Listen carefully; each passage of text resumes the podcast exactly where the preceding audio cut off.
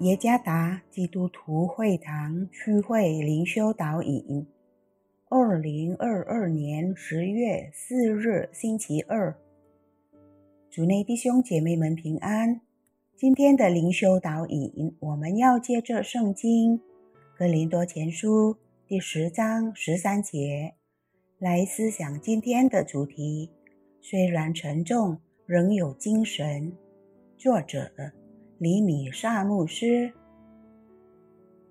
哥林多前书》第十章十三节：你们所遇见的试探，无非是人所能受的。神是信实的，必不叫你们受试探过于所能受的。在受试探的时候，总要给你们开一条出路，叫你们能忍受得住。有时我们没有意识到，我们内心有一个最大的问题，在我们的心中和头脑中有一场大风暴，经常袭击和击垮我们。我们内心深处有一种经常在沙漠中徘徊，不知道该往哪里去。最大的问题是试探，试探是罪的耳语，可以。使我们在属灵信仰上动摇。哥林多前书第十章十三节中提到的试炼，不仅仅是疾病和父母因死亡而留下的悲伤，也有的是恋人离开我们，不仅仅是经济困难和服饰等问题，他们可以在任何时候作为试探来到我们面前。但这并不是一件太危险的事情。上面提到的问题不是主要的，不是根深蒂固的，不是我们生活的真正破坏者。最大的诱惑是罪。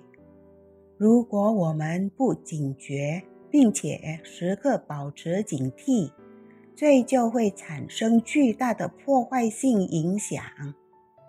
最会毁灭我们的生命。非常感谢神在十字架上解决了那个大试探的问题。我们已经从罪的权势中被拯救出来。今天我们因上帝的恩典而得胜。透过使用我们自己的力量，我们将无法抵抗罪恶权势的重压。总是试图将我们拖入各种形式的堕落之罪恶。信靠主耶稣是唯一的救主，是脱离罪的出路。主耶稣将使我们能够忍受生活中的每一个考验。当我们的生命在基督里时，这些试探就变得一般无奇了。让我们舍己。背起十字架，向自己死，与主耶稣过新生活，与上帝一起，我们必能找到摆脱所有这些诱惑的方法，即通过我们的救主耶稣基督赦免罪孽。最大的试探是罪，但它被耶稣基督在十字架上解决了。主耶稣赐福。